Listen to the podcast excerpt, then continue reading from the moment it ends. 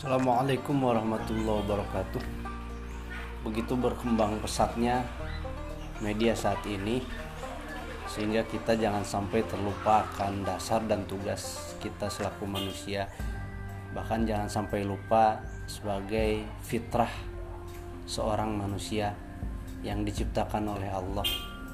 Selain daripada menjalankan aktivitas sebagaimana biasa, mulai dari bangun pagi sampai tidur dan kembali bangun di situ ada rutinitas ibadah. Jadikan semua 24 jam bernilai ibadah. Ikuti kami kita belajar bersama sharing satu sama lain semoga bermanfaat. Assalamualaikum warahmatullahi wabarakatuh